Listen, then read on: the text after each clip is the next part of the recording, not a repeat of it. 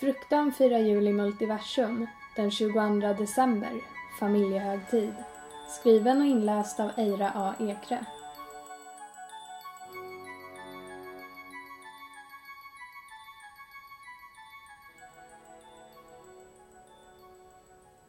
Bruce dricker inte.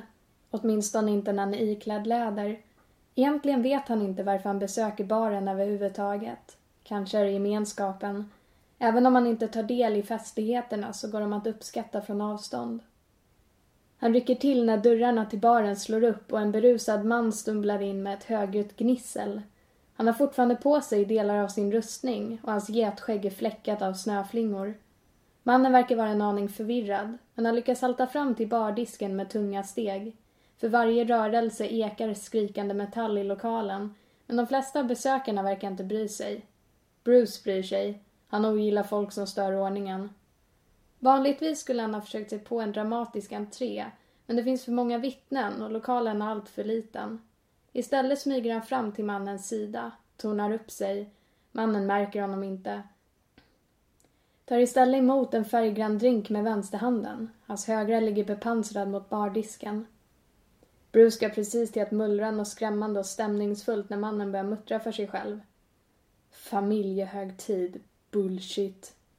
Orden räcker för att Bruce ska få ont i hjärtat. Han vet hur svår den här typen av årstid kan vara när man inte har någon familj.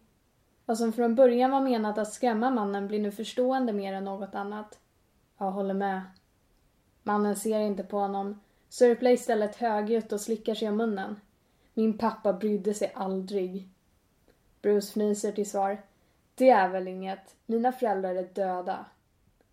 Han verkar ha fångat mannens uppmärksamhet med den kommentaren. Kanske känner en getskäggsprydda igen sig i Bruces smärta.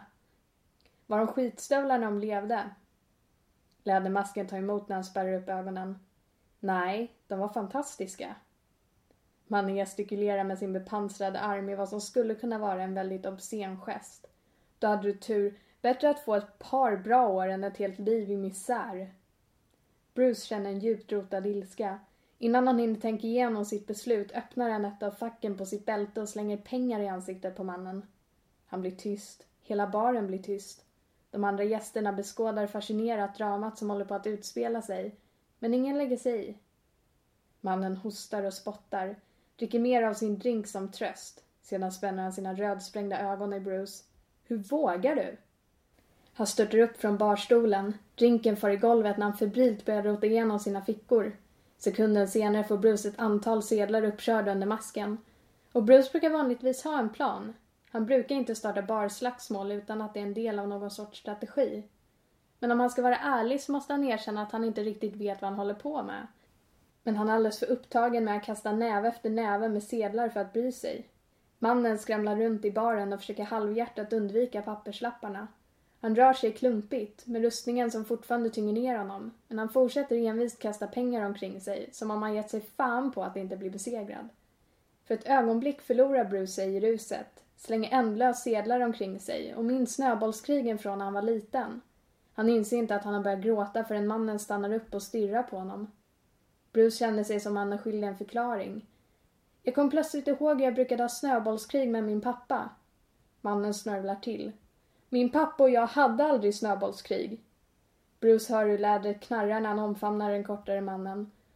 De gråter i tystnad medan barens andra gäster kryper omkring på golvet och diskret försöker samla ihop de sedlar som fortfarande är hela. Efter ett tag hör han bartendern harkla sig. Vill ni ha påfyllning pojkar?